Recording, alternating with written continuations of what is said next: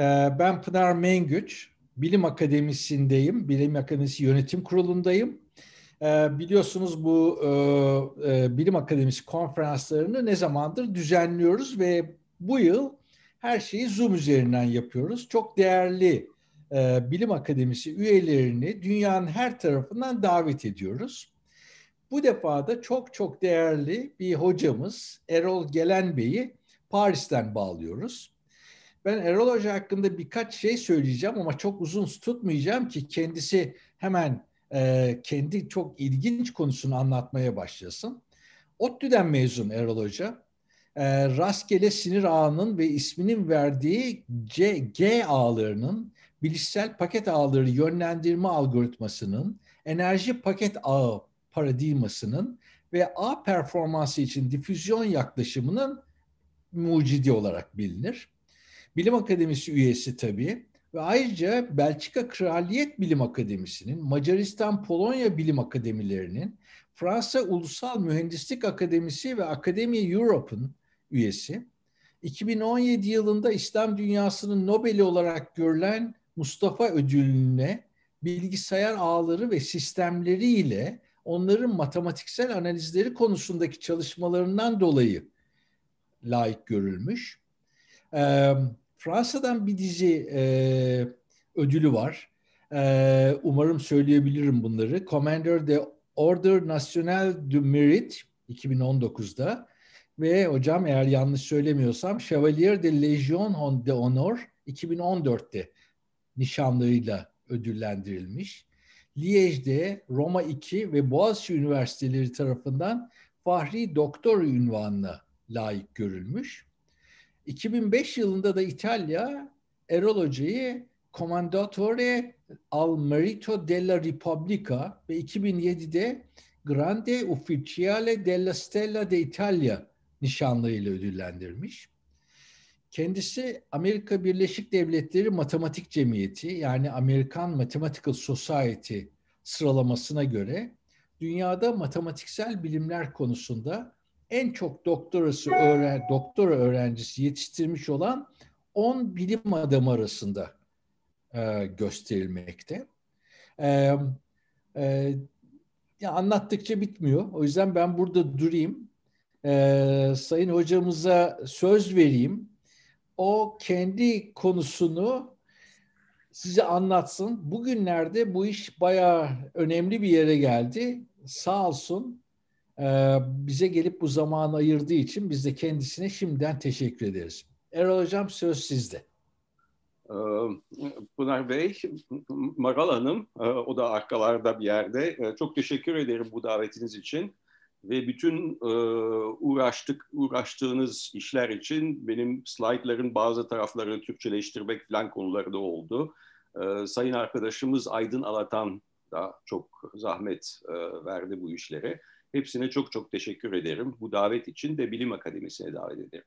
Evet, teşekkür ederim. Şimdi şeyimi, ekranımı açayım ve e, size şöyle bir şey yapacağım. Şöyle bir ilk slide gösteriyorum. Umarım herkes görüyordur. E, bu slide e, da işte konu var. Bilişsel paket ağları. Ve konu nedir? E, e, siz internet alırsanız bugün internet e, büyük çapta statik bir şekilde yani zamanla değişmeyecek şekilde işleyen bir sistem. Karşısına mesela trafik değişiklikleri yahut da bir takım e, internete yapılan hücumlar yahut da başka şekilde değişiklikler yahut da bozukluklar olduğunda bu sistem büyük bir adaptasyon yani kendini kendi kendini koruma, kendinin kendi durumunu değiştirme e, imkanına sahip değil. E, bun, bunları internetin içine nasıl sokabiliriz diye e, bir düşünce var. Bunların bu yöntemlerden bir tanesi de bu bilişsel paket ağları. Şimdi bakıyorsunuz bir QoS ne demek? Quality of Service yani işleme kalitesi kullanıcıların hissettiği işleme kalitesi. İkincisi güvenlik. Hepimiz biliyoruz güvenlik önemli. Üçüncüsü enerji tüketimi görüyorsunuz. Şimdi bu enerji tüketimi meselesi niye önemli? Bugün mesela internette enerji optimizasyonuna doğru mesela trafiği öyle yollayayım ki bütün bilgileri internet içinde öyle dolaştırayım ki enerji tüketimi az olsun. Böyle bir şey yok. Onu da getirmek lazım. Niye? Önümüzdeki e, 10, 20, 30 yıl e, büyük bir CO2 yani karbon e, meselesiyle karşılaştı, karşılaşacağımız hani ondan bahsediyoruz ama henüz konuyu tam ele almadık. Şimdi bütün bu e, sıfır karbon transition'ına yani zamanına doğru e, zaman, zamanına yetişebilmemiz için, gelebilmemiz için önümüzdeki 30-40 sene içinde bilgisayar ve e, e, bilgisayar ağlarının ve bilgisayarların bu, bu şeyde, bu değişiklikte çok büyük rolü olacak. Ama bunu yaparken eğer kullandıkları enerji çok fazla olursa tabii o da uygun değil. Çünkü o zaman bir yerden kurtarıyoruz, bir taraftan da tekrar konuya e, bir yük getiriyoruz. Onun için enerji tüketimi de bu bilgisayar ağlarında çok önemli bir yere gelmeye başlıyor. Zaten mesela bir telefon operatörü ne bileyim Turkcell ya da Orange ya da ne isterseniz onlardan herhangi birine bakarsanız onların enerji harcamaları, genel bütçe harcamaları içinde yüzde 40 ile yüzde 70 arasında değişebiliyor. Yani enerji tüketimi sadece sadece e, hava kirliliği yahut da enerji tüketimi yahut da e, o konulardan değil, aynı şekilde masraf olarak da büyük bir rol oynuyor. Onun için paket ağlarının da internetin de bunu dahil etmesi lazım. Konumuz o. o. Şimdi bu şeyin altında bu bilişsel paket ağları demişim. Altında üç tane fotoğraf. Ne demek istiyorum? Biz burada e, Bilim Akademisi'ndeyiz şu anda hep beraber. İstanbul'da Bilim Akademisi içindeyiz. Bu tip kuruluşlara Avrupa'da ya da başka ülkelerde verilen önemi göstermek için bu üç fotoğrafı veriyorum. Benim üyesi olduğum üç tane bilim akademisi bunlar. Bir tanesi en solda Macaristan. Ee, Macaristan Bilimler Akademisi'nin ana binası. Bu tam Budapeşte'nin merkezinde tarihi bir bina. İçinde tabii konferans salonları var, toplantı odaları var, çeşitli işte restoranı var, bilmem nesi var filan öyle bir yer. Ve bilim akademi üyeleri ve onlarla çalışmakta olan kişilerin gelip toplanabildiği bir yer. E, ikincisi ortadaki Brüksel. Brüksel'deki Bilim Akademisi e, merkezi ki bu, bu bina toplantılar orada oluyor tabii Covid olmadığından. Oraya gidiyoruz, orada toplanıyoruz. O binada e, Belçika'nın e, müstakil bir kraliyet olmadığı zamanlarda bir önceki devirde e, Hollanda prensi tarafından idare edildiği, hükmedildiği devirde o Hollanda prensinin Brüksel'deki e, sarayı. E, o saray nerede Brüksel'de? Eğer Brüksel'in merkezini bilen varsa aranızda, Brüksel'in merkezinde büyük bir çok böyle 19. E, asrın sonundan kalma çok büyük bir saray var. Onun yanında bir parkın içinde bulunan saray bu. Ve e, yani şimdiki kraliyet sarayı değil, daha önceki e, Belçika'nın önemli saraylarından bir tanesi. En sağdaki de Polonya Bilimler Akademisi'nin merkezi. O da eski bir saray. Ve önünde de e, bu gördüğünüz beyaz binanın önünde de Kopernik'in gördüğünüz böyle pek iyi görünmüyor ama onun Kopernik'in e, e, şeysi, heykeli oradaki. Yani size demek istediğim bilim akademileri verilen önem. Niye veriliyor bu önem? Sadece bu takım insanlar ya yapmış da bilmem ne yapmış da doktora yaptırmış da ondan sonra oraya seçilmiş değil mesele. Mesele şu. Mesele devamlı olarak sadece bilimin yapılması değil, bilimin teşkilatlanması, bilimin uluslararası ilişkileri, bilimin etiği, bilimin endüstriye ve sosyal e, ortama faydası, bütün bunların görüşüldüğü ve planlandığı yerler bunlar, bilim akademileri. O açıdan bakmak lazım ve bilim akademilerin faydası oradan geliyor. Sadece bilim adamlarını seçtik de onlara önem verdik şeklinde değil katiyen. Zaten bu bilim akademilerin çoğunda bilim akademisyenleri, akademisyenler Macaristan'da ek maaş alırlar.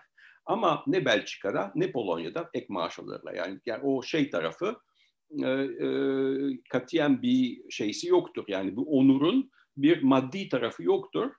E, bilakis e, hizmet istenir yani onlardan. Oraya seçilmişsiniz kardeşim gelin de şu konuya da düşünün, bu konuya da düşünün ve disiplinler arası konulara düşünün. Onu size söylemek istedim. Çünkü bütün konuşmalarımız bundan sonra tamamen teknolojiyle ilgili yahut da böyle gayet e, yeniler, yeni yeni fikirlerle ilgili. Bunlar benim bahsettiğim şeyler aslında eski fikirler. Eski fikirlerin de önemi var ve eski tutumların da devamının önemi olduğunu da anlatmak istedim. Şimdi size bunun konusunu söyledim. Ee, bundan sonra size bir de e, bir slide daha geç, yapmak için tamam geçebildim. Bravo Erol. Buraya kadar gelebildim. Bununla ilgili isterseniz referanslar olacak. Şimdi bu referansları ve bütün slaytları mümkünse Bilim Akademisi'nin e, web sitesinde koyabiliriz. Yani öyle bir şey imkan varsa. Size sadece demek istediğim bu referanslarla bu uzun zaman devam eden bir iş. Yani bu konu sadece iki sene ha bu yenilik onu yapalım filan çarçurt.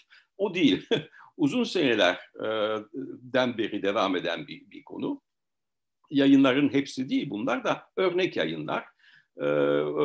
Bunun içinde iyi dergilerde mesela Proceedings of the IEEE, IEEE'nin işte 11 kadar impact factor olan ve IEEE'nin en impact factor'ı yüksek olan dergisi. IEEE Journal of Selected Areas in Communications bir arkadaki e, 2016 yazısı. O da e, çok yüksek gene impact factor 8 öyle bir şey bir dergisinde çıktı. Communications of the ACM, ACM denen e, e, dünyanın belki en önemli bilgisayar bilimlerindeki e, şeysinin e, cemiyetinin diyelim e, belli başlı dergisi Communications of the ACM en, en yaygın olan dergisi ve tabii gene impact factor yüksek vesaire. Yani şeyler öyle. Bir de altta doktor doktoralar dedim. Bir de ayrıca dedim. Burada bu konuya katkıda bulunmuş olan arkadaşları sıralamak istedim. Her hepsini yazamadım çünkü yerimiz az. Karakterlerin de büyük olması lazım. Şimdi bunların arasında Rum'u var, ee, Çinlisi var, ee, Amerikalısı var, ee, Kolombiyalısı var vesaire. Yani dünyanın çeşitli yerlerinden insanlar katkıda bulundu. Ve e, Türkler de var. Gülay Öke mesela, İTÜ. E, ayrıca derken onlar doktor öğrencisi değildi, e, postdoktu. E, Frédéric François, Fransız, e, Piotr Frolish, ve Mateusz Novak onlar Polonyalı, e, Toktan Mahmudi İranlı vesaire. Yani bu da bilimin uluslararası e, tarafını anla, anlatmaya getiriyorum. Bilim insanların nereden geldiğine bakılmadan yapılır. Yani çalışmak isteyen, fikirleri olan, zeki olan insanların bir araya geldiği ve aralarında dini nedir, şeysi nedir, hangi ülkeden gelmiş, rengi nedir, yaşı nedir onlara bakılmaz. Herkesle birlikte iyi niyet içinde çalışılır. Onu da söylemek istedim bu e, açılış slaytlarında. Şimdi e, a, picture is worth a, a thousand words der Amerikalılar. Yani böyle bir şeyi bir e, imajla, videoyla anlatabilirsen kardeşim derler. Çok çok iyi olur. Onun için ben size şimdi bir video göstereceğim. Ve videoyu gösterirken biraz da e, videonun ne olduğunu söyleyeceğim. E, şimdi e, bakarken buna e, bulmam lazım şeyimi videomu. Mümkünse bir yerlerde saklanıyor. Kusura bakmayın. Biraz birkaç dakika sürebilir. Çünkü e, her şeyi e, göstermek hemen mümkün olmuyor. Fakat o video bence çok faydalı olacak. Şimdi bunu götürdüm. Güzel. Şimdi videomu bulmaya çalışayım. Buralarda bir yerdeydi. Videomu buldum. Ee, işleteyim. Ve size tekrar ulaşmaya çalışacağım şimdi ben.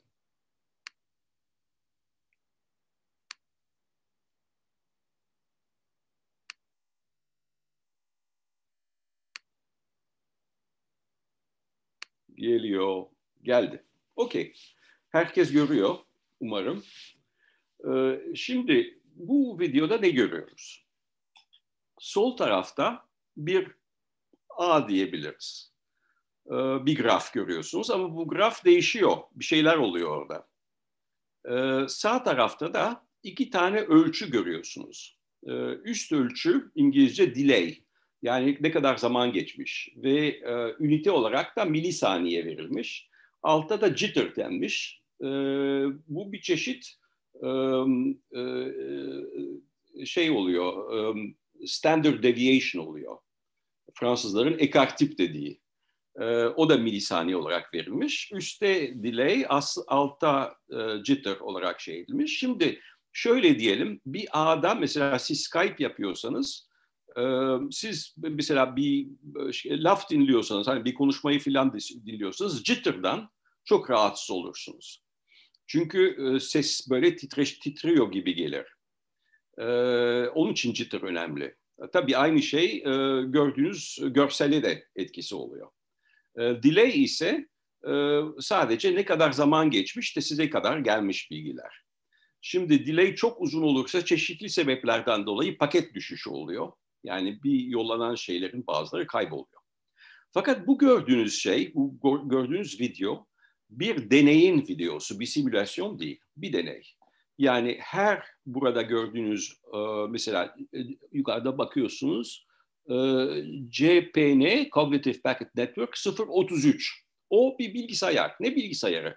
Bu bilgisayar hem bir yerden bir yere bilgileri yollamak kabiliyetinde hem kendisinden geçen bilgileri ya da paketleri router olarak bir yerden bir yere iletiyor. Tabii ben şimdi anlatırken mümkün olduğu kadar hepimizin anlayacağı şekilde e, mümkün olduğu kadar e, hani fazla teknik olmadan anlatmaya çalışıyorum. Şimdi bu e, bir de bak bakıyorsunuz e, böyle bir haçlar görüyorsunuz. O haçlar bir yerde bir e, şey var. E, e, bir worm denen kötü bir şey bir şey oluyor. Bu worm ne yapıyor? Worm e, kötü niyetli bir program tarafından yahut da kötü niyetli dışarıdaki e, kişiler tarafından yollanıyor ve bu e, şeyleri bilgisayarlara yerleşiyor. Router dediğimiz bilgisayarlara e, yerleşiyor. CPN 023, 0025 onlara yerleşiyor ve onların başkalarıyla konuşmasına mani oluyor. Onun için burada görüyorsun mesela CPN 034 ayvayı yedi şu anda ve yandakilerle konuşamıyor. Ortadaki adam konuşamıyor yandakilerle. Ee, şimdi o güzel tamam iyi filan fakat burada akıllı filan ne oluyor yani bir şey bir şey oluyor mu? Oluyor. Onu da renklere sizin gözünüzü şey diyeyim iliştireyim. Mesela sol tarafta bakıyorsunuz bir mavi çizgi yahut da bir rengi çizgi yahut da bir beş çizgi yahut da siyah çizgi filan. Bunlar çünkü herkes komşu, yanındaki komşusuyla konuşmuyor. Herkes uzaktan uzağa konuşuyor. Ve e, paketler de birkaç komşunuzdan geçerek atlaya atlaya atlaya atlaya öbür tarafa gidiyor. Demek ki eğer bu gittiği yol üzerinde bir e, mesela worm bu kötü olay oluyorsa o zaman sizin gitmenize mani oluyor. E, iyi güzel gitmemize mani oluyor da Sağ tarafta neyi görüyoruz? Şimdi sağ tarafta milisaniye yukarıdaki şeye bakın. Orada da renkler görüyorsunuz. Sağdaki renklerle soldaki renkler aynı. Çünkü sağdaki renkler mesela öbür şey üzerinde geçme zamanını gösteriyor. Ee, oradan geçme zamanını gösteriyor. Jitter da aynı şekilde o renkli aynı şeylerin, yolların, path deniyor İngilizce, e, multi-hop path deniyor. Bir yol diye düşüneceksiniz. Bir, birkaç kavşaktan geçen bir yol. Her router'ı siz bir kavşak diye düşünebilirsiniz. O kavşaklardan geçiyor ve birkaç kavşaktan geçerken başına bir şeyler gelebiliyor. Mesela bu burada bir sürü kırmızılar görüyorsunuz. Peki kırmızılar geliyor da nasıl gidiyor? Bu sistemlerde bir de patching diye bir şey var. Yani bir node baktı ki etrafında konuşamıyor etrafıyla. Diyor ki burada muhakkak bir worm var, bir kötü bir şeyler oluyor. O zaman patch ediyor yani e, software'i değiştiriyor. E, software'in orijinali tekrar yüklüyor. Orada kırmızıları temizlemeye doğru gidiyor. Şimdi burada siz ne görüyorsunuz? E, akıllı falan olup olmadığını bilemiyorsunuz ama gördüğünüz şey bir adaptasyon görüyorsunuz. Yani bir yerde bu ağ düşünüyor. Yani ağın bütün nodları bu düşünceye katılıyor. Ve zaten algoritmada her nodun içinde, her router'ın içinde bir ne var? E, nevral ağ var. Yani beyin ağı var. E, nöronlardan oluşmuş bir e, e, tabii yapay bir ağ var. Ve bu yapay ağ da onu o nodun karar vermesine yardım ediyor. Yani bunu nereden yollayayım? E, maviyi buradan yollayamayacağım, oradan yollayacağım. Ya da kırmızı şuradan geçemiyor, oradan yollayacağım falan. O şekilde o şekilde bu sistemde devamlı bir karar mekanizması işliyor ve sağ taraftaki de e, bakarsınız eninde sonunda bu delay denen ve jitter denen şey çok kötüleşmiyor. Niye çok fazla kötüleşmiyor? Çünkü olaya rağmen yani bu worm geliyor, dağılıyor. Ona rağmen sistem işlemeye devam ediyor. E, performansı düşüyor. E, delay denen hani o geçen vakit e, ne, kadar zaman geçti yolladığım andan öbür tarafa varma zamanına kadar uzun mu oldu, kısa mı oldu o değişebiliyor. Fakat ona rağmen sistem e, işlemeye devam edebiliyor. Fikir o. Şimdi bu şimdi size, size kadar size şimdiye kadar bunu biraz görsel ve böyle genel bir şekilde anlattım. Şimdi biraz daha detaylı bir şekilde anlatmaya çalışacağım. Onun için bu e, görseli durduracağım. Tekrar slaytlara geçeceğim. Şimdi slaytlara geçerken tabii soru olursa, bir şey olursa ya, buyurun. E, Erol Hocam bir soru var. Ee, bir önceki videodaki e, grafik açılımının e, e, yapay zeka ile ilişkili olup olmadığını soruyor. Evet. Engin Biraz Çürük. söylemeye çalışayım. Tekrar anlatayım e, izin verirseniz. Bir de şey soruyor, daha doğrusu zihnini benzeştiren sequential değil de paralel çalışan süreçlerden mi oluşuyor diye soruyor. Tamam. E, bu tamamen e, yapay zeka ile oluyor. Yapay zeka şu şekilde. Bir de yapay zeka zeka dememek lazım. Şimdi artık yapay zeka e, terimi yanlış kullanılıyor.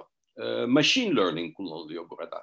Artificial intelligence değil. Artificial intelligence'ın temelleri e, e, mantığa dayanıyor. Yani mantıktan başlayarak e, dedüksiyon e, vesaire yani bütün mantığın kullandığı, bizim e, insan mantığın kullandığı mekanizmaları e, e bilgisayara aktaran bir e, genel e, tutum yahut yaklaşım.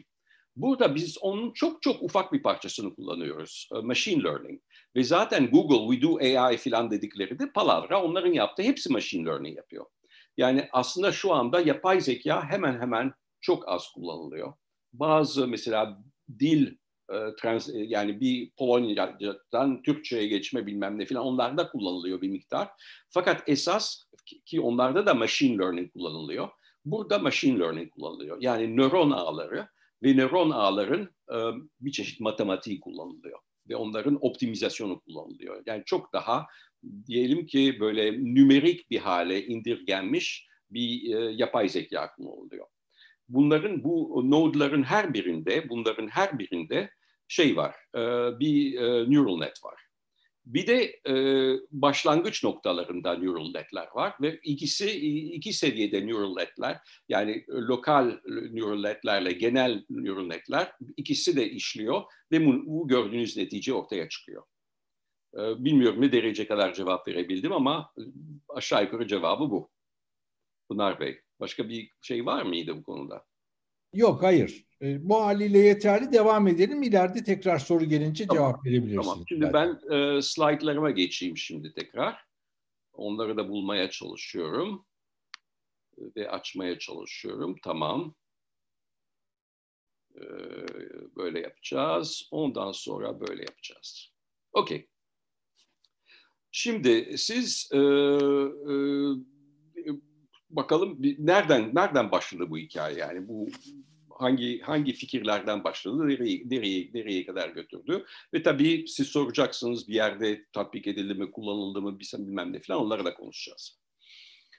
Şimdi bugünkü internet e, aslında hani dışarıdan baktığınızda tabii bir sistem gibi. Bir kere tabii sistemlerin çoğu mesela içimizdeki nöron ağlarına bakarsak pratikte neredeyse sonsuz değil mi? Bizim için kafamızdaki nöron ağları o milyarlarca bilmem ne yani çok çok büyük sayıda e, elemanları olan sistemler. Ve e, her tarafta ayrıca kimsenin bildiği bir şey yani birine mesela bir alın bir banka, bir büyük büyük bir şirket derse sizin ağınız nasıldı? Ha genel bir resim yapar o kendi ağına fakat içinde nerede ne var kimse söyleyemez. Çünkü her an sistem değişmekle meşgul. Birin şeysi geçer, teknolojisi geçer yerine başka bir şey konulur.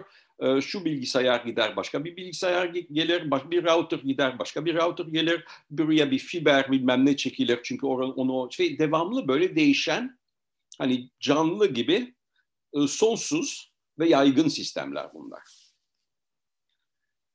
Ee, şimdi e, bunlar öyle, iyi güzel. Ee, bir taraftan neler oluyor? Tabii temel teknolojiler hızlanıyor. Yani bilgisayar, bugünkü bilgisayar 5 sene önceki bilgisayardan daha hızlı. Ee, koyduğumuz router daha hızlı. Ee, şey koyacağız, e, daha önce ne bileyim bakır hat, bakır hat çekilmişti. Şimdi fiber çekildi, çok daha hızlı vesaire. Yani devamlı olarak bir performans artması var. Fakat aynı zamanda e, gittikçe de sistemler yükleniyor. Yani bir taraftan performans artıyor.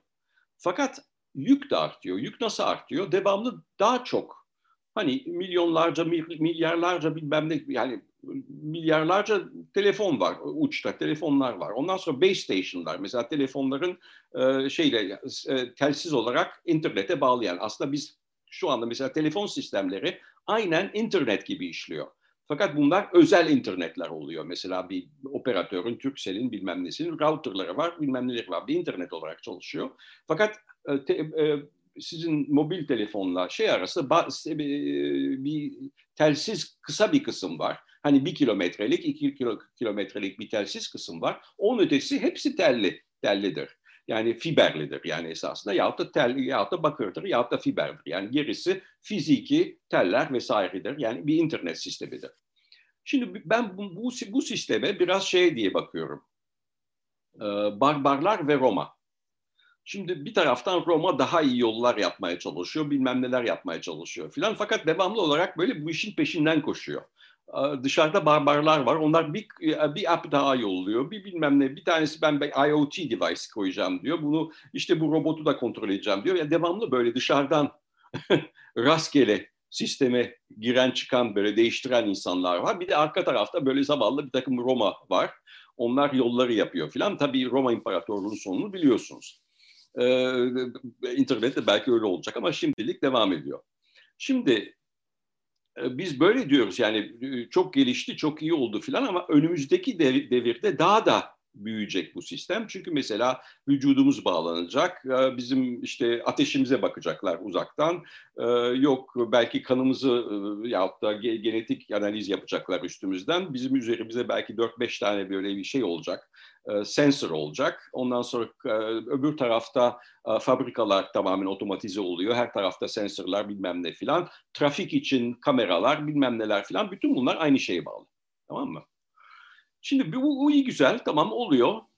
sistem böyle bir taraftan teknolojiyi hızlandırıyoruz, çalıştırıyoruz. Öbür taraftan yüklüyoruz. Daha fazla software koyuyoruz. Daha fazla şeyler koyuyoruz. Böyle bir ikisinin arasında bir yarış.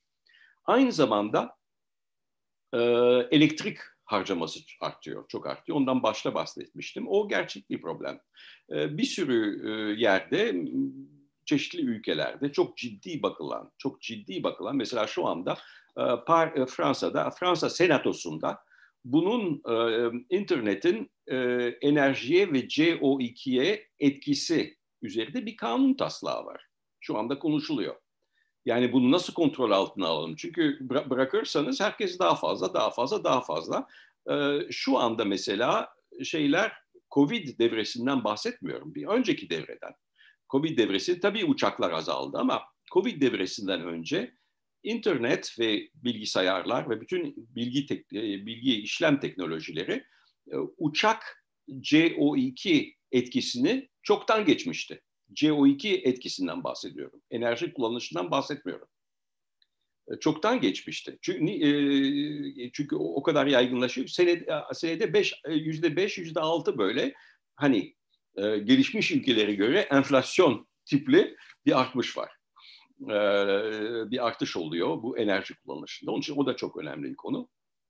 Ve e, daha önce bu resmin ne, ne olduğunu e, şeylerde anladınız. Şimdi e, bu iyi güzel, bu olay oluyor. Aynı zamanda bizim karşımızda kullanıcı var. Onun için kullanıcıyı e, devamlı memnun etmek lazım. Belki daha yüksek QS kalite şekilde değil de e, ya daha yüksek güvenlik ile değil de hiç değilse daha kötü olmamasını sağlamaya, sağlamaya çalışmak lazım. Yani bunun devamlı devamlı bu evolüsyon içinde olan sistem içinde bizim enerji tüketimini kontrol etmemiz lazım. Servis kalitesini, QoS dediğimiz servis kalitesini e, kontrol etmemiz lazım. Yani bir şey var, güvenliği kontrol etmemiz lazım. Ve bunu otomatik olarak yapmak lazım. Mesela bu sıralarda e, bütün zaten e, 2020 yılı boyunca zaten çok şansım oldu. Bu Covid çok iyi oldu. Çünkü Huawei denen bir şirketle danışmanlığım vardı. Huawei biliyorsunuz dünyanın en büyük e, e, internet ve telefon sistemleri vesaire şirketi, e, Çin şirketi. Amerika'da şimdi e, şey diyorlar, e, girmesine mani oluyorlar. Avrupa'nın bazı yerlerinde de öyle. Şimdi e, yahut da her şeyi satmamasına falan yol atmaya çalışıyor. Çünkü bir monopol haline gelmiş. Afrika'da falan her tarafta monopol haline gelmiş.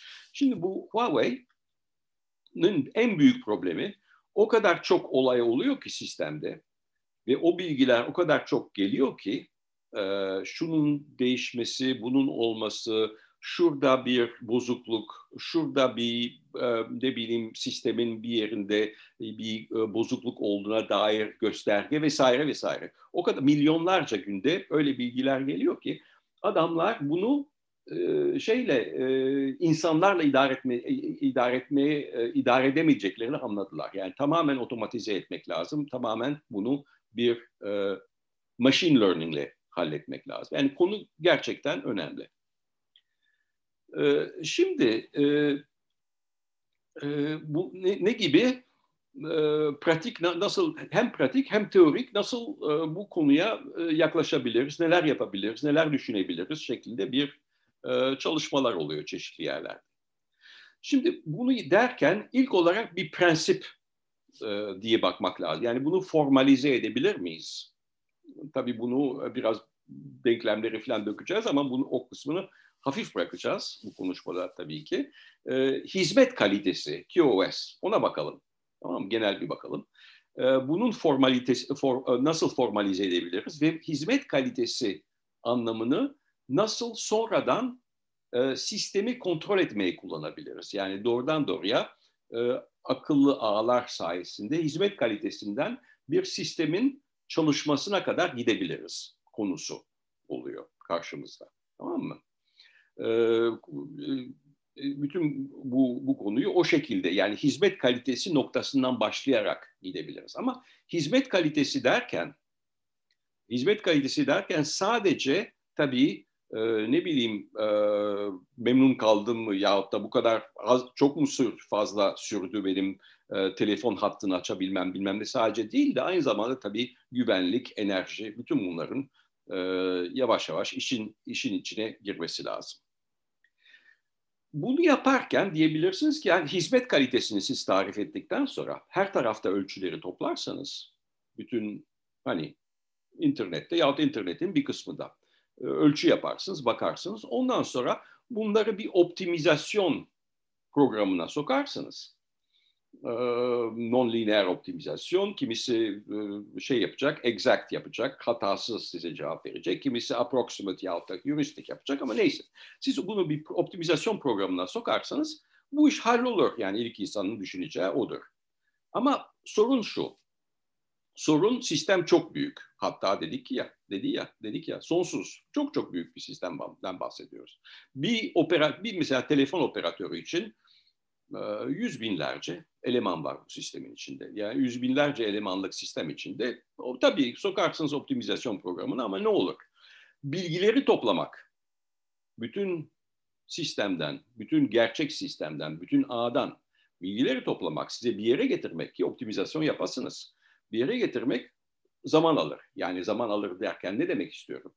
E, trafik giga, giga. Mesela şeyin e, e, saniyenin 10 10 eksi 9 ayarında e, zaman, zamanın 10, e, 10 üzeri 9'a bölerseniz saniyeyi işte o ayarda zamanlardan bahsediyorsunuz. Her şey o zamanlarda oluyor. Halbuki bilgiyi toplamak milisaniyeler, yüzlerce saniyeler hatta dakikalar ya hatta daha fazla zaman alabilir. Yani bütün bilgileri bir yere toplamak sistemin üzerinden. O birincisi. İkincisi sizin koca bir program var. Bunu optimize edecek sistemi. E iyi güzel filan ne olacak? E o da belki yarım saate kadar dönecek cevap verebilmek için. E, ondan sonra cevabını aldıktan sonra hani böyle yapalım, bunları böyle dağıtalım filan dediğinde de her tarafa bilgi yollamak gene uzun sürebilir. Dakikalar bilmem ne. Ama olaylar çoktan geçti. Çünkü her şey trafik. E, e, bir saniyenin 10 e, üzeri 9'la bölümüyle ayarlı zamanlarda oluyor. Onun için bu yaklaşım hani her şeyi bir merkeze toplayacağız, karar vereceğiz, kararları ileteceğiz filan hikayesi olmuyor. Bu oluyordu eskiden. Yani telefon sistemleri eski hani 80'lerde, 70'lerde, 60'larda telefon sistemleri öyle işliyordu. Merkeze geliyordu bilgiler, optimizasyon yapılıyordu, tekrar dağılım yapılıyordu vesaire o şekilde. Ama bugün bunu yapmaya imkan yok. Tamam mı? Ayrıca e, her şey çok dinamik. E, kusura bakmayın birinci nokta üzerinde çok konuştum. Dağıttık ve oldukça geniş bilmem ne vesaire. Onunla çok konuştum ama ikincisi sistem dinamik. Trafik de devamlı değişiyor. Siz bir karar alıyorsunuz. O çoktan geçti. Çünkü hız o kadar hızlı geçiyor ki e, sizin aldığınız kar, karar şimdi için geçerli değil. Tekrar başla al, sil baştan. Olacak iş değil. Ondan sonra e, bir hata yaparsanız, e, bu durumlarda hata yaparsanız biriken trafik o kadar fazla ki e, çok büyük zararlı olaylar olabiliyor, kayıplar olabiliyor. Çünkü bir yere yüklenmiş, e, geçememiş, orada belleği ne, hani ne kadar büyük olursa olsun belleklerin limitli sınırlı yeri var bilgisayarların belleklerin oradaki paketler kaybolacak vesaire vesaire. Onun için daha e, yenilikçi ya da çevrimci çevir, çevrim içi dayanan e, ve e, daha böyle adaptatif, hızlı ve lokal olarak alınan kararlar içinde hareket etmek lazım sistemin içinde. Yani daha böyle tabii bir sistemmiş gibi hareket etmek lazım. Şimdi e, bunu nasıl yapacağız? E, bunun slide üzerinde fazla durmayayım, e, devam edeyim. Şimdi dedi, dedik ya hani servis kalitesi. Peki servis kalitesi nasıl tarif edersin? Ee, servis kalitesini biz bir hedef içine, hedef dediğimiz bunu tam yapamayacağız ama bunu hedefleyeceğiz. Ee, tam yapamayacağız derken hani bir e, bir metrik, bir formül çıkarırsak bu formülün her şeysiyle optimizasyona, tam optimizasyona gidemeyeceğiz. Fakat bunu bir e, hedef olarak alacağız. O hedefleyeceğiz ve onu onun peşine koşacağız. O hedefin peşine koşacağız. Belki hiçbir zaman yakalayamayacağız. Ama onunla yakın hareket etmeye çalışacağız. Şimdi bunu şey derken e, oraya dört tane metrik koydum. Bir tanesi delay, yani zaman ne kadar zaman geçiyor. Loss, ne kadar bilgiyi kaybediyorsunuz, ne kadar paket kaybediyorsunuz. E, birincisi zaman ölçümü, ikincisi bir olasılık. E, bir paketin kaybolma olasılığı. E, üçüncüsü enerji. Enerjiyi neyle ölçersiniz? Joule'la ölçersiniz. E, Watt'la e, power ölçersiniz. Pınar Bey'e bunları söylemek biraz ayıp çünkü kendisi bunların büyük eksperi. Fakat işte enerji önemli. Bunu biz Joule'la ölçüyoruz burada. Dördüncüsü de ne kadar bu iş emniyetli oluyor, ne kadar e, sağlıklı ve emniyetli oluyor. Tamam mı? Peki biz diyeceğiz ki bunları biz bir araya getirelim ve bir hedef, hedef e, H harfi olmadı, H harfi olmadı, G harfi oldu. Şimdi G harfini görüyorsunuz. E, G harfinde ne var? Hmm, aşağı bakın. Bu her şey tabii basitleştirilmiş e, ki fazla benim kafam karışmasın bunları size anlatırken. E, G'de bir tarafta bir eksi L görüyorsunuz. Bir eksi L ne demek? E, eğer paket kaybolmazsa, e, L kaybolma olasılığı, e, eğer paket kaybolmazsa. O zaman benim için önemli olan paket kaybolmadıysa bizim benim için önemli olan nedir? E, paket ne kadar zamanda gidecek? Paket ne kadar enerji kullanacak? Ve ne kadar sağlıklı yahut da emniyetli bir şekilde hareket edecek? Şimdi emniyetle ne demek istiyorum? E, birisi gelip de içini açıp da içine başka yanlış bir şey koyarsa pek iyi olmaz mesela. Bu emniyet diyebiliriz. Yahut da bu paket kendisi zararlı olabilir e, başkalarına. Yahut da kendisi zararlı olmak niyetiyle değil ama başkasıyla karşılaştığında ikisinin bir arada gelmesi zararlı olabilir. Hani kimya reaksiyonu gibi. Şimdi bu birinci kısım e, kayıp olmaz. E kayıp olursa ne olur? Kayıp olursa, e, paket kaybolursa bu G aslında ben bunu bir, bir üniteye bağlamak zorundayım. Çünkü her şey bilimde bir hani bir ünitelere falan yaklaştırmak lazım. Neden bahsettiğini söylemek lazım. Bu G paketle ilgili bir hedef. Bir paketle ilgili bir hedef. Onun için bir eksili paket ol, kaybolma, kaybolmama olasılığı oluyor. A, B, C ne oluyor? E, bu üç şeye verdiğim önem. E, zamana A önemi veriyorum. E, şeye e, enerjiye B, e, şeyde e, emniyete C. Peki A, B, C'yi birbirine nasıl bağlayabilirim? Mesela diyebilirim ki A artı B artı C eşittir 1.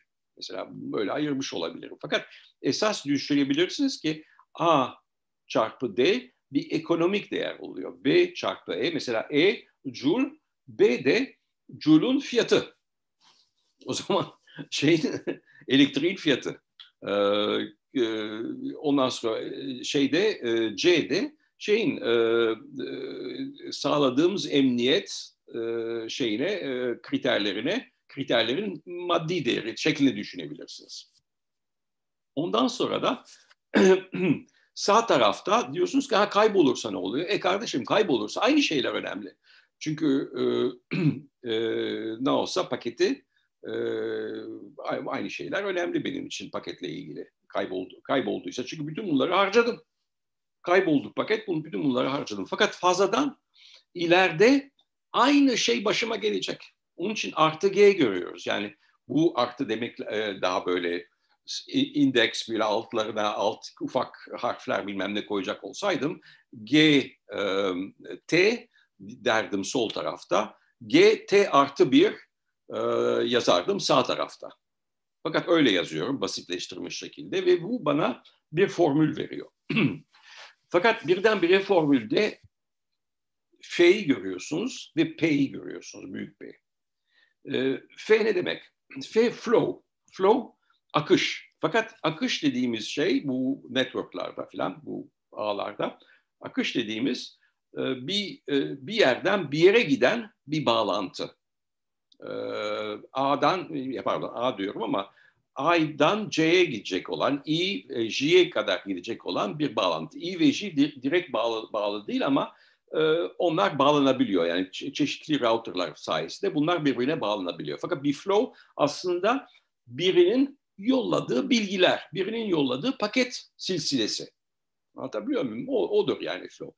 Birine, e, birinden ötekine yollanan bir paket silsilesi ve kararları tabii burada almak lazım ki iyi bir şeyler olsun. Ama Pınar Bey bana bir soru soracak. Ee, iki üç soru var hocam. Bir tanesi bir kere onu baştan söyleyeyim 20 dakika falan zamanınız var şimdi. Ama bir de genel sorular gelmiş durumda. Bilinçin bunları anlattıklarınızın ötesinde anlattıklarınızın bilinçe, yapay zekaya ve machine learning'e e, ilgilerini de soran e, birkaç dinleyicimiz var. Tamam. Yani onları, onlar, onlar gelecek. Onlar anlayacaklar o işi. Tamam. Ee, 20 dakikamız falan var sizin sunumunuz Başka için. soru? Ee, şu anda bunlar aynı geliyor. Bunlar benzeri sorular. Tamam. Tamam. Onlar biraz e, sabredecekler. Tamam. O geliyor. Ya şimdi şimdi anlatmam e, pek iyi olmaz. Önce e, ben bir G'yi anlatıyorum. Şimdi e, flow görüyorsunuz, bir de path görüyorsunuz. P path yani nereden geçti, hangi yoldan geçti. F kim geçti oluyor. E, P, P de nereden geçti. O zaman ne oluyor? Bu goal function, bu hedef fonksiyonu e, her e, bilgi akışı, flow ve her yol için tarif ediliyor. Ve e, sadece tarif ediliyor değil, ölçülebiliyor ve e, matematiksel olarak da geliştirilebiliyor. Yani bu özellikleri var. Ve bu F ve P ile ilgili zaman meselesi var. Ne kadar zaman alıyor mesela F'nin e, e, başlangıç noktasının son noktasına gitmesi eğer P yolunu kullanıyorsa. Ne kadar enerji kullanılacak, ne kadar e, e, emniyetli olacak. Ve tabii alt tarafta şey görüyorsunuz, e, formülün altında e, kayıp şeyini görüyorsunuz. Onun için mesela L biri yaklaştığında bu G patlıyor, sonsuza gidiyor. Yani katiyen hoş bir şey olmuyor. Biz G'yi minimize etmek istiyoruz. Şimdi o güvenlik ölçüsünden bir tanesi bu şeylerden bahsedeyim. Bu güvenlik e, S önce e, güvenlik ölçüsü önce e, F ile çeşitli nodlar yani routerlar arasında bağlantısına bakılır. F ile E'nin birbirine ilişkisi. Ben, ben bu flow'u şu router'dan geçirirsem emniyetli midir değil midir? Mesela bu router'da ben e, çok fazla hücum gördüysem, atak gördüysem, ölçtüysem oradan geçmek tehlikeli. Şimdi onun tarifi var. E, bir tolerans şeysi var. Mesela ben bu atakların yüzde beşin falan altındaysa umurumda değil memnunum ama onun üstüne çıkarsa şey iyi de bir çeşit e, önem ver, e, pardon iyi de atak ölçüsü oluyor. T tolerans oluyor, I atak ölçüsü oluyor. S de bir değer oluyor. Onu minimize etmeye çalışmak çalışmam lazım ve bunu çeşitli şekillerde tarif edebiliyoruz. Ya bir e, toplam alıyoruz ya bir max alıyoruz. E, o şey seçilebilecek şeylerden. O şekilde e, G'leri canlandırıyoruz. Yani G'nin içine şeyler koyuyoruz. Şimdi en iyi patika demiş, ben yol diyorum. Aydın Bey patika kelimesini koymuş tercüme ederken. Ben ona yol diyorum. Belki patika diye kullanılıyor Türkçe'de. Ama bu G fonksiyonu ve biz neyi seçiyoruz? Hangi P'yi seçiyoruz? Bu G fonksiyonunu minimize eden P'yi seçiyoruz. Oradaki terim kullanılan terim o. Şimdi bunu biraz yapay zeka bilen insanlar hemen anladılar bizim ne yaptığımızı. Biz reinforcement learning yapacağız reinforcement learning ya da yapıyoruz esasında yapmayacağız. Zaten sizin gördüğünüz videolarda o reinforcement learning işliyor. Reinforcement learning nasıl oluyor? Biraz ona geçeyim. Şimdi bizim sistemde e, iki tane, iki tip paket var. E, akıllılar var, bir de aptallar var. Yahut aptal değil de esasında hammallar var. Akıllı paketler ve hammallar. Bu tabii sosyalist görüşe uymaz çünkü hammallar da zeki olabiliyor. Fakat yani bunun ideolojik tarafı yok da e, e, e, bizim dumb packets dediğimiz sadece taşıyor. Katiyen kendine bir soru sormuyor. Sadece kendisine veren, verilen görevi alıyor bir yerden bir yere atıyor. Halbuki akıllı paketler öyle yapmıyor. Akıl her flow için, her F için bir akıllı paketler silsilesi var. Yani onu flow'u yollayan adam ayrıca akıllı paketler yolluyor. Akıllı paketlerde bizim network'ü dolaşıyor ve her yerde ölçü soruyor. Ölçüleri topluyor. Ve ölçüleri toplarken de her node'daki, her router'daki bir şey değiştiriyor, state'ini değiştiriyor. Oradaki bir neural, neural network'ı değiştiriyor. Şimdi neural network'ın, nöronun ya da network'ın matematiğini falan e, boş verelim. Tamam mı? Formüllerini de boş verelim. Fakat matematiği de var, formülleri de var. Fakat nasıl işliyor bu iş? Şöyle. Bu e, e mesela siz bir node'dasınız, bir router'dasınız. Bu router'da neural network'ü yerleştiriyorsunuz ve bunda kaç tane nöron var? Ne kadar çok komşunuz varsa, direkt komşunuz varsa her direkt komşu için bir nöron var. Ve bu nöronun e, görevine e, bu nöron size diyor ki aa senin ben şu e, komşumun buradaki mümessiliyim, buradaki e, büyük elçisiyim ya da konsolosuyum. E, sana gelen paketi lütfen bana yolla. Tamam mı? Onun görevi orayı desteklemek. O nöron, o nöron, nöron ne yapıyor? Orayı destekliyor. Öteki nöron başka bir çıkış noktasını destekliyor. Ve aralarında ne var? Aralarında rekabet var. Bu bir competitive activation şeklinde çalışıyor. Yani aralarında e, rekabetle ortaya çıkan, mesela bizim vücudumuzda cildimizdeki nöron sistem cildimizle beynimizi arasındaki competitive activation network'lar var. Bir sürü. Ee, onu daha sonra sorarsınız tekrar sorarsanız size neden öyle, öyle olduğunu söylerim ama bu bir competitive activation network. Bu competitive activation network'ta şeyler var. Bu nöronların e, weight'leri var.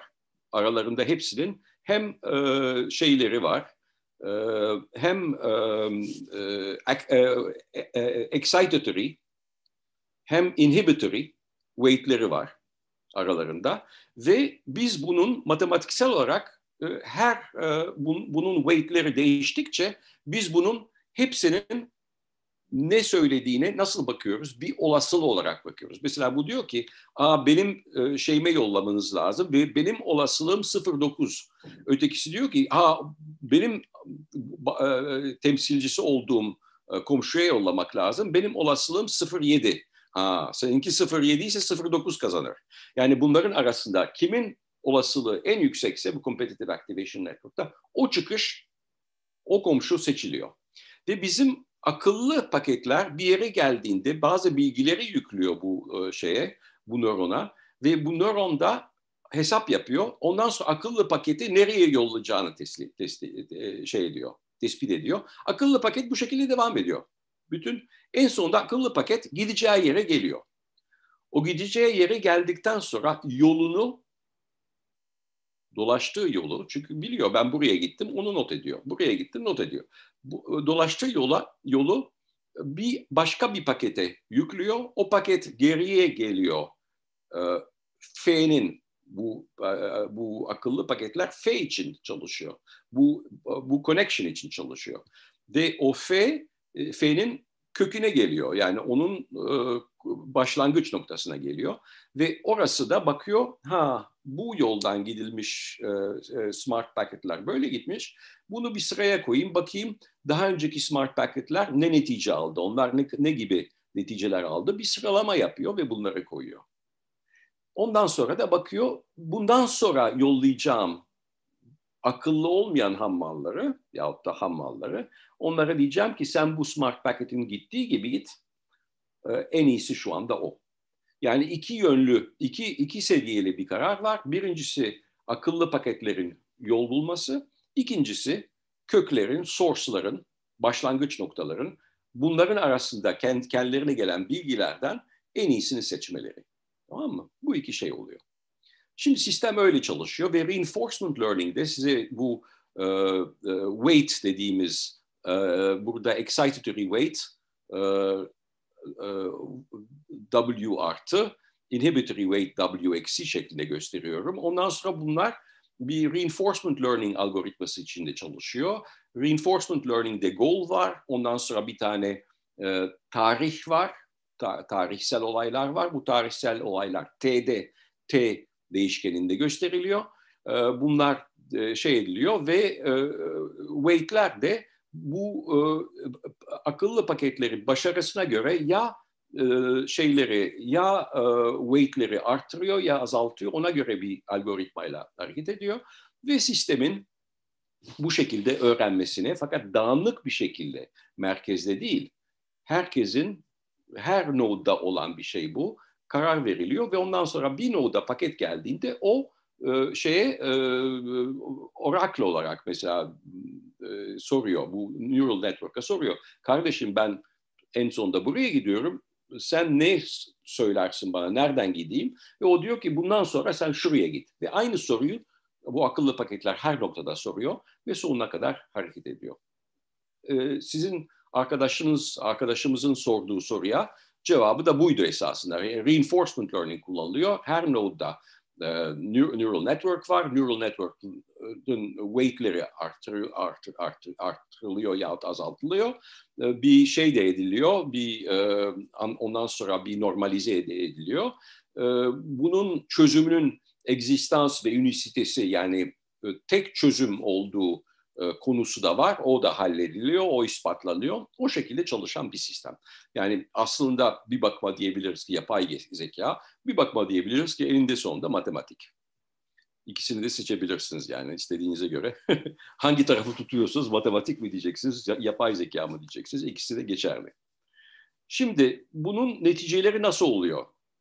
Gene az vaktimiz kaldığı için, e, hatta hemen hemen bittiği için size bazı örnekler vereceğim.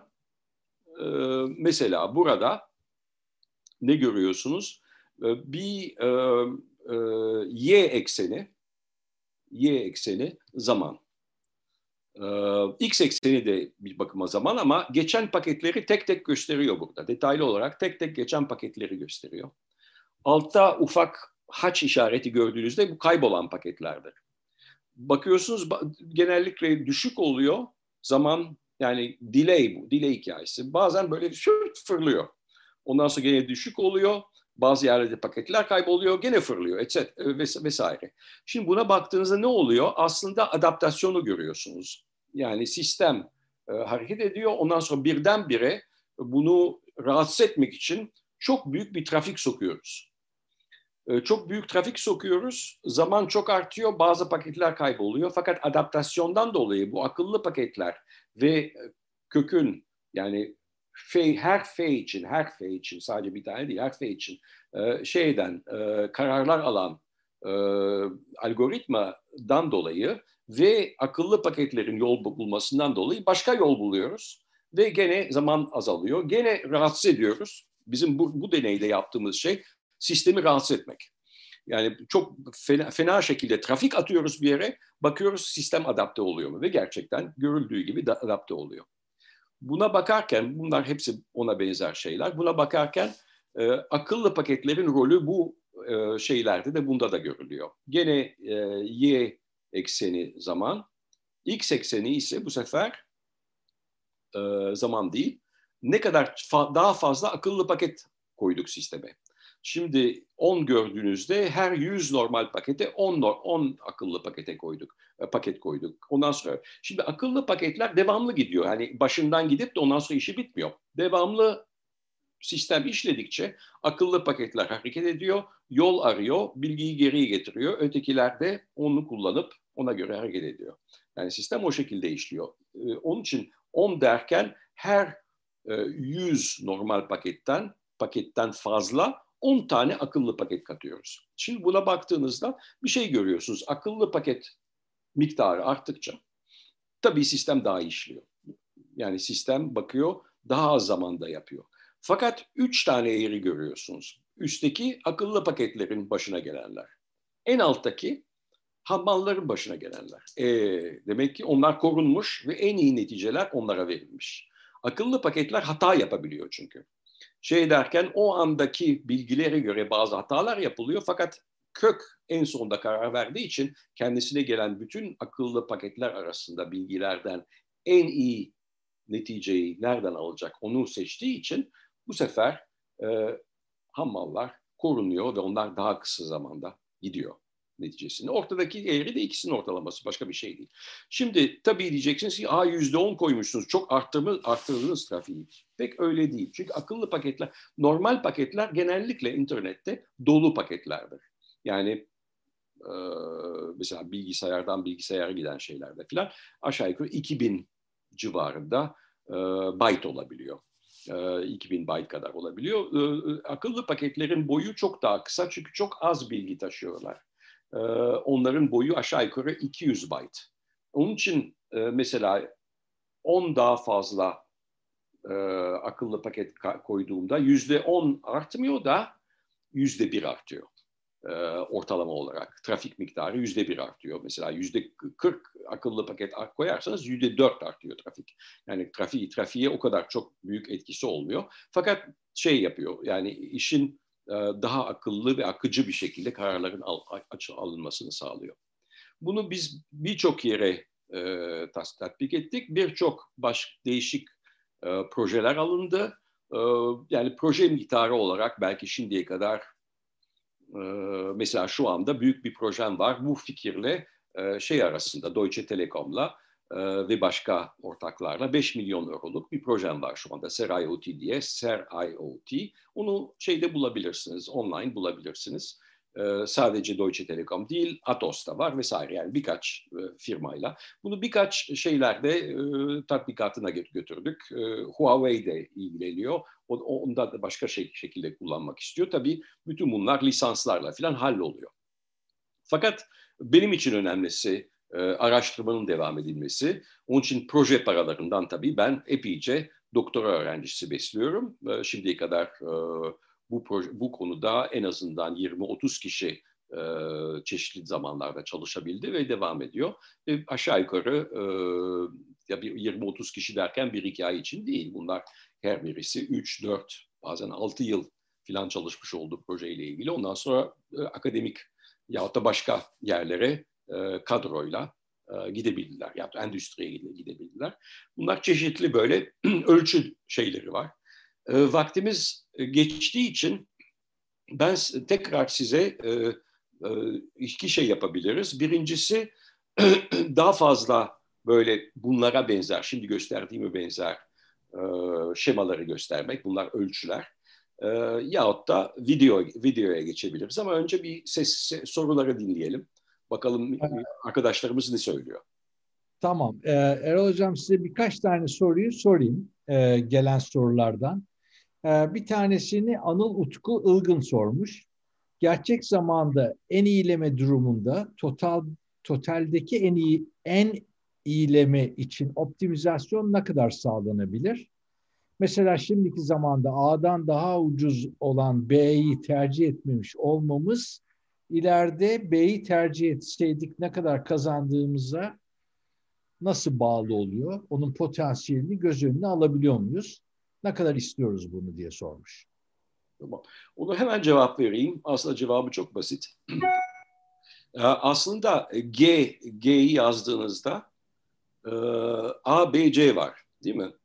Ee, sizin sorunuz e, arkadaşımızın sorusu işte bunların etkisi ne oluyor en sonunda? Şimdi G'yi biz minimize ediyoruz. Tabii A, B, C değil. Ama e, deney yapabilirsiniz. A'yı sıfırlarsınız, B'yi bir yaparsınız, C'yi de sıfırlarsınız. Deney yaparsınız. Aynı şekilde ölçüyü yapabilirsiniz. Anlatabiliyor muyum? Yani e, şey e, yani e, model sizi zorlamıyor her her şeyi kullanmaya. Ee, diyor ki bunlar parametre parametreyle sizin tercihinize göre değiştirebilirsiniz. Tamam. Bir başka soru daha var. Ee, bu başka soruda da e, Sezgin Baloğlu sormuş. Bu yaklaşımı çok çekirdekli işlemcilerde işlem çekirdekleri arasındaki iletişim sağlamak için kullanılan Network on Chip adı verilen yapılarda da kullanabilir miyiz diye soruyor.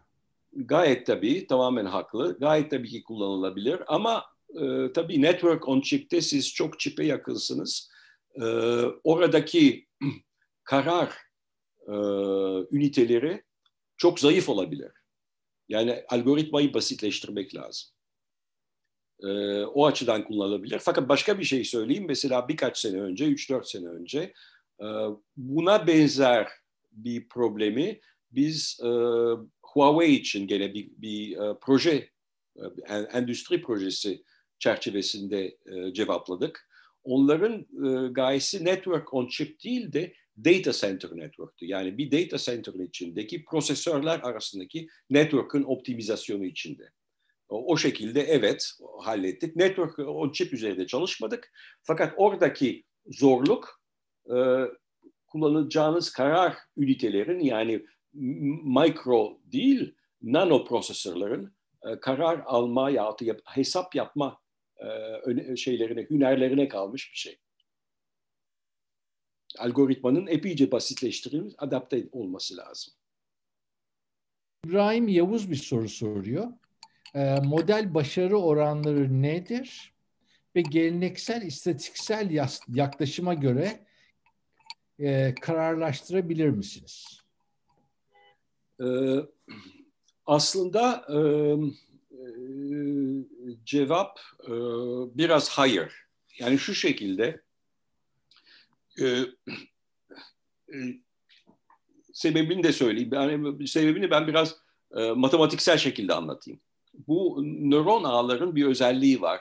e, pek söylenmez. E, yani bunları hepsi herkes bunu magic yani burada ah yapay zeka, yapay zeka falan diye satarlar. Ama bunların çok basit bir özelliği var e, kullanılan modellerin. Hepsi bir fonksiyon aproksimatörüdür. Yani Çebişev, polinomials bilmem ne filan bildiğiniz bazı arkadaşlar mesela elektrik mühendisliği okuduysa filtre teorisi filan böyle optimum filtreler filan. Bunlar aslında herhangi bir um, uh, continuous e, sürekli fonksiyonun e, istediğiniz kadar yakından aproksime eden şeylerdir. Öğrenme esas eninde sonunda odur. Yani o şekilde öğrenirler. E, datanın, e, donelerin, gelen donelere göre bir fonksiyon öğrenirler. Ne, ne yapacaklarını bir fonksiyon öğrenme şeklinde öğrenirler. Ondan dolayı, o özelliklerinden dolayı filtrelerden, yani klasik yani first order, second order filtrelerden çok daha iyidirler. Çünkü fonksiyonun özellikleri çok yay, çok geniş fonksiyonlardır. Bounded, continuous. O kadardır. Fonksiyonun bounded olması lazım, continuous olması lazım. Öyle olduktan sonra e, nöron ağı onu öğreniyor. Anladım. Bilmiyorum anlatabildim. Yani çok güçlü bir alet. Anladım. Onun için işliyor bunlar. Yoksa yapay zeka falan olduğundan değil. Anladım. Peki ama bununla ilgili bir Bu soru da ağları her her nodda olan nöron ağı eninde sonunda o işi yapıyor, öğreniyor. Fakat evet. tabii bilgiler değiştiğinde adapte olması lazım. Hızlı bir şekilde öğrenmesi lazım. Tamam. Tam burada soracağımız soru şu oluyor o zaman. Bu da şeyden gelmiş. Emre Yorgancıgil'den. Karmaşıklık kaos seviyesini belirlemek için bir ölçüm katsayısı var mı? Ee, o çok genel bir soru. Ee, fakat ben size özel şekilde e, cevap vereceğim. Benim kullandığım bu rastgele yahut da icat ettiğim bu rastgele nöron ağların özelliği, bunlar non-lineer sistemler. Fakat kaotik cycle'ları yok. Ee, e, e, şeylerin, çözümlerin existence'ı ve uniqueness'ı ispatlıdır aynı datayı verirseniz ikinci defa aynı şey yapar. Yani, yani bunlarda kaos yoktur. Halbuki baş, genellikle non-lineer sistemlerde kaos olabilir. O şekilde cevaplamak istedim. Çünkü bu benim konuşmama direkt etkisi olan bir, e, e bir, bir mesele. Yani kaotik şeyler kullanmak istemezdim. Çünkü kaotik bir bir ağ, bilgisayar ağı katiyen istemem. Anladım. Peki bu defa siz kendinizden bahsettiniz. Size direkt gelen bir soru var hocam. Umut Ozan'dan geliyor. Apple'ın yeni tanıttığı M1 işlemcisinde sizin projenin izlerini gördüğünü söylemiş. Ve de 6G ile ilgili çalışmalarınız var mı diye sormuş. Ee, birinci, birincisini bilmiyorum. Ee, kopya çekmek serbesttir biliyorsunuz. Ee, eğer, eğer Apple'de birileri buna benzer bir şey yaptıysa çok güzel, memnunum, alkışlarım. Ee, demek ki iyi fikirler onlara da geçebiliyor. Yani bir şeyim yok. Ee, e, bana mümkünse bir e-mail atsın arkadaş, ben de bakarım e, alkışlamak için. Bu birincisi. E, benim şeyim mesela benim hayatta gayem zengin olmak ya da şey etmek değil. Enteresan şeyler yapmak, insan yetiştirmek falan benim şeyim. Yani ben para topladığımda hani ben zengin olacağım da çok para kazanacağım diye falan böyle bir şey yok. Çok şükür yani vaziyeti idare ediyoruz. Ee, hem de fazlasıyla fakat e, öyle bir şeyim yok. Onun için hani endüstriyle ben rekabet halinde değilim ya da şirket. Ben hep çalışırım endüstriyle fakat kendim hani yapacağım da kendim zengin olacağım diye böyle bir şey kaygım yok. O birincisi. E, ikincisi, e, e, ikinci konu neydi? Özür, özür dilerim. 6G ile ilgili düşünceleriniz. 6G ile ilgili şu anda hiçbir şey yapmıyorum. E, şu anda hiçbir şey yapmıyorum ama er geç gelecek tabii. E, evet. Er geç başımıza patlayacak ama şimdilik bir şeyim yok. Peki. Bir soru daha var. Bu birazcık daha insana dönen bir soru hocam. İnsanda olduğu gibi çok sayıda nöron var mı bu sizin yaptığınız çalışmalarda? Boş boş iş bekleyen nöronlar da var mı? İnsanlardaki düşünce hızını bu fazlalığın ve iş e, açlığının yarattığı düşünülüyor. Ne düşünüyorsunuz diye sorar Engin Çörüşlü. Evet. E, şimdi evet e, çok nöron var. Çünkü e, şeylerde ağda her her nodda nöronlar falan var. Fakat beyinden farklı, mesela beyinde çok farklılaşmış bölgeler var. Ee, tabii beyin çok kompleks bir e, işler yapıyor ki benim ellerimi kollarımı sallıyor, e, benim kulaklarıma e, kulaklarımdan bilgileri alıp işliyor, benim gözümden bilgileri alıyor, benim hafızama, belleğime bilmem ne oradan çıkarıyor, bilmem bir sürü iş, iş yapıyor. E, ağzımı hareket ettiriyor, ses çıkarttırıyor falan şu anda bütün bunlar oluyor. Onun için beyin tabii çok fazla değişik bölgeleri olan, çok fazla değişik ve tipte ve cinste nöronlar olan bir sistem. Ee, bu böyle değil. Bunda genel bir yapı var, genel bir mimari var. O mimarinin içinde tekrarlanıyor. Her şey tekrarlanıyor. Çok daha basit bir sistem. Fakat çok fazla nöron var, evet. İş bekleyenler de var, tabii. Tabii. Ee, şöyle diyeyim mesela, e, bir taraftan mesela başarısız nöronlar diskalifiye oluyor bir müddet sonra hiçbir şey yapmıyor. Tabii bekliyorlar belki yoksa tatile mi çıkıyorlar o da belli değil. Fakat e, oradalar ve iş yapmıyorlar. Tabii öyle şeyler var. O birincisi. İkincisi e, kullanılmayan, e, an, bir anda kullanılmayan şeyleri bekliyor, iş bekliyor tabii. E, çok var ve iş bekleyenler de var, doğru. E, bu peki e, enerji tüketimini, tüketimine neden oluyor mu ekstra bir enerji? Hayır, Hayır çünkü overhead olarak e, ilginç bir şey var. E, bir normal e, router'da yapılan bazı şeyler burada yapılmıyor. Mesela normal router'da bu nereye gidecek sorusu her paket için soruluyor.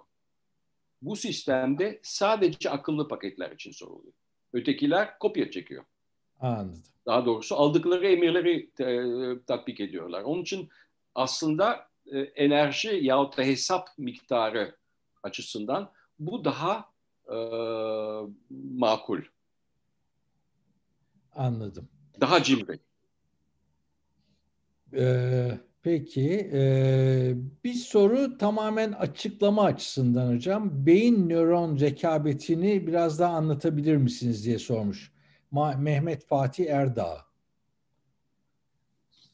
E, dediğim gibi ben biraz çalıştım aslında. Hatta e, yani e, bir takım e, nörofizyologlarla falan çalıştım. Çok tanınmış birisiyle çalıştım. Miguel Nicoli, Nicolelis diye. E, bu adam ilk defa hani beyinden kontrol edilen, edilen protezler yapan adam. E, daha 90 yıllarında başladı bunu yapmaya. Tabii insanlar üzerinde değil maymunlardan başladı vesaire ve kendisi hem Brezilya'da aslında Rum asıllıdır. Hem Brezilya'da Rum asıllı diyeyim ailesi Rum asıllı ama Brezilya'dır, Brezilyalıdır. Ee, Brezilya doğumludur ve hem Natal'de büyük bir merkezin başındadır. Hem Duke Üniversitesi'nde Amerika'da Miguel Nicolelis çok tanınmış ve enteresan bir kişi. Ondan çalıştım.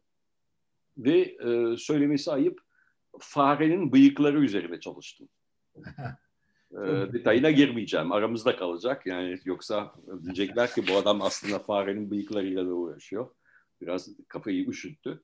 Fakat e, e, şimdi size bir örnek vereyim. Yani ilgilendiğimiz şeylerden bir tanesi. Şimdi alın insanın eli, değil mi? Siz gözünü kapat, e, gözünüzü kapatın. Bir kalemin ucunu elinize dokundurun. E, size nereye dokunduğun farkındasınız. Hafif kalemin ucunu hareket ettirirseniz, hafif başka bir yere dokundurursanız yerin değiştiğini farkındasınız. Tamam mı? Bu nasıl oluyor? Çok ilginç aslında ve farenin bıyığıyla çok çok yakın alakalı. Çünkü biliyorsunuz bütün e, memeli hayvanlarda mekanizmalar çok benzer. Şimdi şu şekilde e, bir e, sinyaller önce sinir ağları hani derinizden beyninize doğru sinir ağları vasıtasıyla yükseliyor. Yani ondan sonra be, şeyiniz başınızın dibine geliyor. Oradan e, bir e, bir grup nörona geç, geçiyor. O grup nöronlar yukarıya doğru haber veriyor. Ve bu sizin kortekse kadar yani düşünce kısmına kadar geliyor. Sinyaller. O sinyaller feedbackle aşağı doğru inmeye başlıyor tekrar. Ve giriş katında yani beyninizin giriş katında talamusta e, ne yapıyor? Orada hangi nöron dokunduğunuz noktanın farkındaysa ona yakın nöronları susturuyor. O şekilde işte competitive activation dediğim şey susturuyor. Niye susturuyor? Çünkü tam nerede olduğunu bilmek istiyor.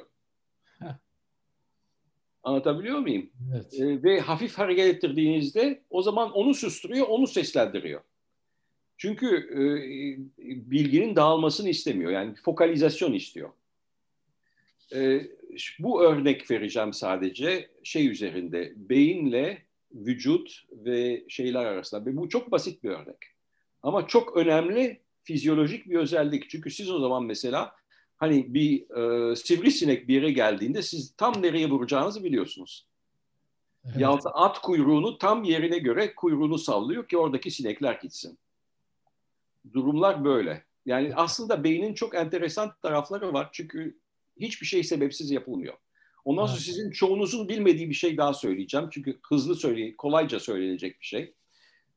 Gözümüz açık olduğunda zannettiğimizin aksine beyin eksiti olmuyor. Bilakis inhibit oluyor. Fokalize oluyor. Çoğu e, hücreler inhibit oluyor, susturuluyor. Gözünüzü kapattığınızda ve uykuya daldığınız zaman bütün sistem canlanıyor. Serbest hürriyetini tekrar kazanıyor. Bu da tamamen fonksiyonel bir şey. Gündüz e, dışarıdayım, beni geliyor aslan yiyecek ben onu görmezsem, rüya görürsem pek iyi bir fikir değil. Benim hemen reaksiyon gösterip kaçmam lazım. Onun için benim rüyayla ya da öteki nöronlar ya da eski hani annemin hatıralarını falan o anda görmemem lazım. Oradaki kaplana ya da aslana fokalize olmam lazım. işimi halletmem lazım. Ama gece de bütün sistemin tekrar harekete geçmesi lazım. Eski anılarımı tekrar canlandırmam lazım ki anılar kalsın. Sistemin yenilenmesi lazım, çalışması lazım ve bütün beynin harekete geçmesi lazım ve inhibition kalkıyor. Onun için zaten uyuduğunuzda bir takım osilasyonlar ölçülebiliyor. Bir çeşit, çeşitli çeşitli osilasyon zamanları var. Bu beynin ne kadar kompleks ve ne kadar ilginç bir sistem olduğunu ortaya çıkıyor. Aslında evet. burada başka bir şey daha ben duydum hocam. E, yani siz eğer diyorsanız ki ben uyuduğumda bütün beyin açılıyor. Demek ki bizim arada bir her şeyi açmamız lazım beynimiz için. Öyle mi? Şart. Şart şart. Serbest bırakmamız lazım beynimizi ki e, bütün her şeyden faydalı, bütün hayatımızın ya da bütün genetik olarak bize verilen bazı bilgiler de var. Yani her şey sonradan algılanmamış bazı şeyler zaten orada vardı genetik olarak. Bütün onlardan faydalanmamız lazım. Peki. Bir son soru daha var hocam. Erdal Panayırcı'dan çok değerli bir hocamız sinir ağlarının problemi zamanla hızla değişen sistemlerde iyi sonuç vermemesi diye yazmış. Bu göz önüne alındığında büyük ağların zamanla değişme durumu nedir diyor. Ee, aslında e, e, cevabı şu şekilde. Sizin e, e, beyin ağına bağlı değil de daha çok e, elinizdeki bilgisayar kapasitesine bağlı. Bilgisayar evet. hızına eğer olayları e, makul bir frekansta ölçebiliyorsanız e, e, ve o hızda bilgi, bilgi e, o, o hızda ağ, nöron ağını değiştirebiliyorsanız yani learning yeteri kadar hızlı yapabiliyorsanız yeteri, yeteri, yeteri kadar doneleri, doneyi toplayabiliyorsanız zamanla değişen sistemi takip edebiliyorsunuz. Tabii her adımda, her hesap adımında sistem değişiyorsa tabii çok doğru yap yapamazsınız. Ama bir e, e, bilgisayarın hızına e, oranla daha yavaş şekilde dola, değişiyorsa yapabilirsiniz. Evet. Biliyor muyum? Yani evet. it's, a, it's, a, it's, a, it's a matter of you know what what yani nasıl sistemi implement yani hangi fizikle sistemi e, gerçekleştirdiğinize bağlı. Tamam. Ve tabii çok ilginç bir şey var. Ee, bu sıralarda bir takım kuantumcularla konuşuyorum. Ee, biliyorsunuz her böyle, böyle şeylerin e, fanatikleri var. Yani ama kendisi çok iyi bilim insanı olup da fanatiği olanlar var. Quantum computing filan. Şimdi o da çok ilginç şeyler, e, sorular e, ortaya çıkarıyor. Mesela quantum computer'la ya da quantum computing unitlerle normal mesela onları çok fazla kullanamazsınız ama bazı yerlerde kullanabilirsiniz ki bazı kararları onlar alabilirler. Belki çok daha hızlı ve çok daha doğru bir şekilde. Hmm. Fakat esas konu e, Erdal Bey'in e, sorusuna cevap aslında söylediği çok doğru değil bugünkü teknolojiyle. E, çünkü teknoloji epeyce epeyce ilerledi. Yani aslında bilgisayarlar çok hızlı gidiyor. Gigabyte, giga operasyon bilmem ne routerlarda çok olağan bir hız. Son bir tane yorum söyleyip bitireyim hocam. Bu sizin söylediklerinize güzel bir yorum gelmiş Sinan Tandoğan'dan. Sizin bu uykuyla ilgili anlattığınız e, düşüncelere bakarak meditasyon işlevini mükemmel açıkladınız diyor. Tam olarak meditasyon hani her şeyi açmak demektir ya. Uykuya yatıp böyle tamamen kendini rahatlamanın ne kadar güzel anlaşıldığını anlatıyor Sinan Tandoğan. Çok doğru. Peki. Hocam ben sizden bir şey rica edeceğim. Bu ekranınızı paylaşmayı bir durdurursanız ben size bir şey e, sunmak istiyorum. E, şimdi bizim bu e, bilim akademisi toplantılarını biz yaptığımız zaman her zaman bizim e, değerli misafirlerimize bir plaket veriyoruz. İşte dediğimiz gibi bu Covid döneminde bunu tamamen yurt dışındaki değerli e, üyelerimize açtık. E, veremiyoruz bu plaketi. Ama bu plaketlerin bir e, bizde e, tradisyonu var. Bir e, bilim akademisi ofisinde bunlar her yerde duruyor. Umarım görüyorsunuzdur benim çok iyi görüyorum. Evet. evet. Biz size bunu vermek isteriz. Umarım iyi günler geldiğinde de bunun basılı çerçeveli halinde sunmak isteriz. Çok sağ olun, eksik olmayın. Çok güzel bir e, görsel hazırlanmış. E, e, Bilim Akademisi'nin personeline bilhassa teşekkür ederim. E, her, ekip üyelerine iyi, çok güzel bir örnek seçmişler. Sağ olun, çok teşekkür ederim. Sağ olun. Bunu yapan hakikaten Yaprak Hanım. Yaprak Hanım'la Maral Hanım. Ben de ikisine de teşekkür ederim. Biz size de çok teşekkür ederiz. Ee, hocam. Sağ olun. Çok güzel bir akşam oldu. Bu değerli bir e, zamanınızdan zaman alıp bize estağfurullah, estağfurullah. için. Estağfurullah. En önemlisi konuşmak ve fikirleri aramızda tartışmak. En önemlisi o. Evet, hakikaten çok güzel oldu. Çok teşekkür ederiz. Umarım daha güzel günlerde tekrar bir araya gelebileceğiz. Olmayın. Sağ olun. Bütün gayretleriniz için ve çalışmalarınız için çok çok teşekkür ederim Pınar Bey. Sağ olun. Sağ olun Erol Hocam. O zaman size de iyi akşamlar dileyim. İyi akşamlar, bütün, saygılar. Bütün, bütün, bütün saygılar, sevgiler ve teşekkürler. Sağ olun. Bütün katılımcılara da teşekkür ederiz. Bir sonraki e, sunumumuz bizim e, Şubat'ta olacak. Onu da size haber vereceğiz. Tekrar teşekkürler. Ben teşekkür ederim.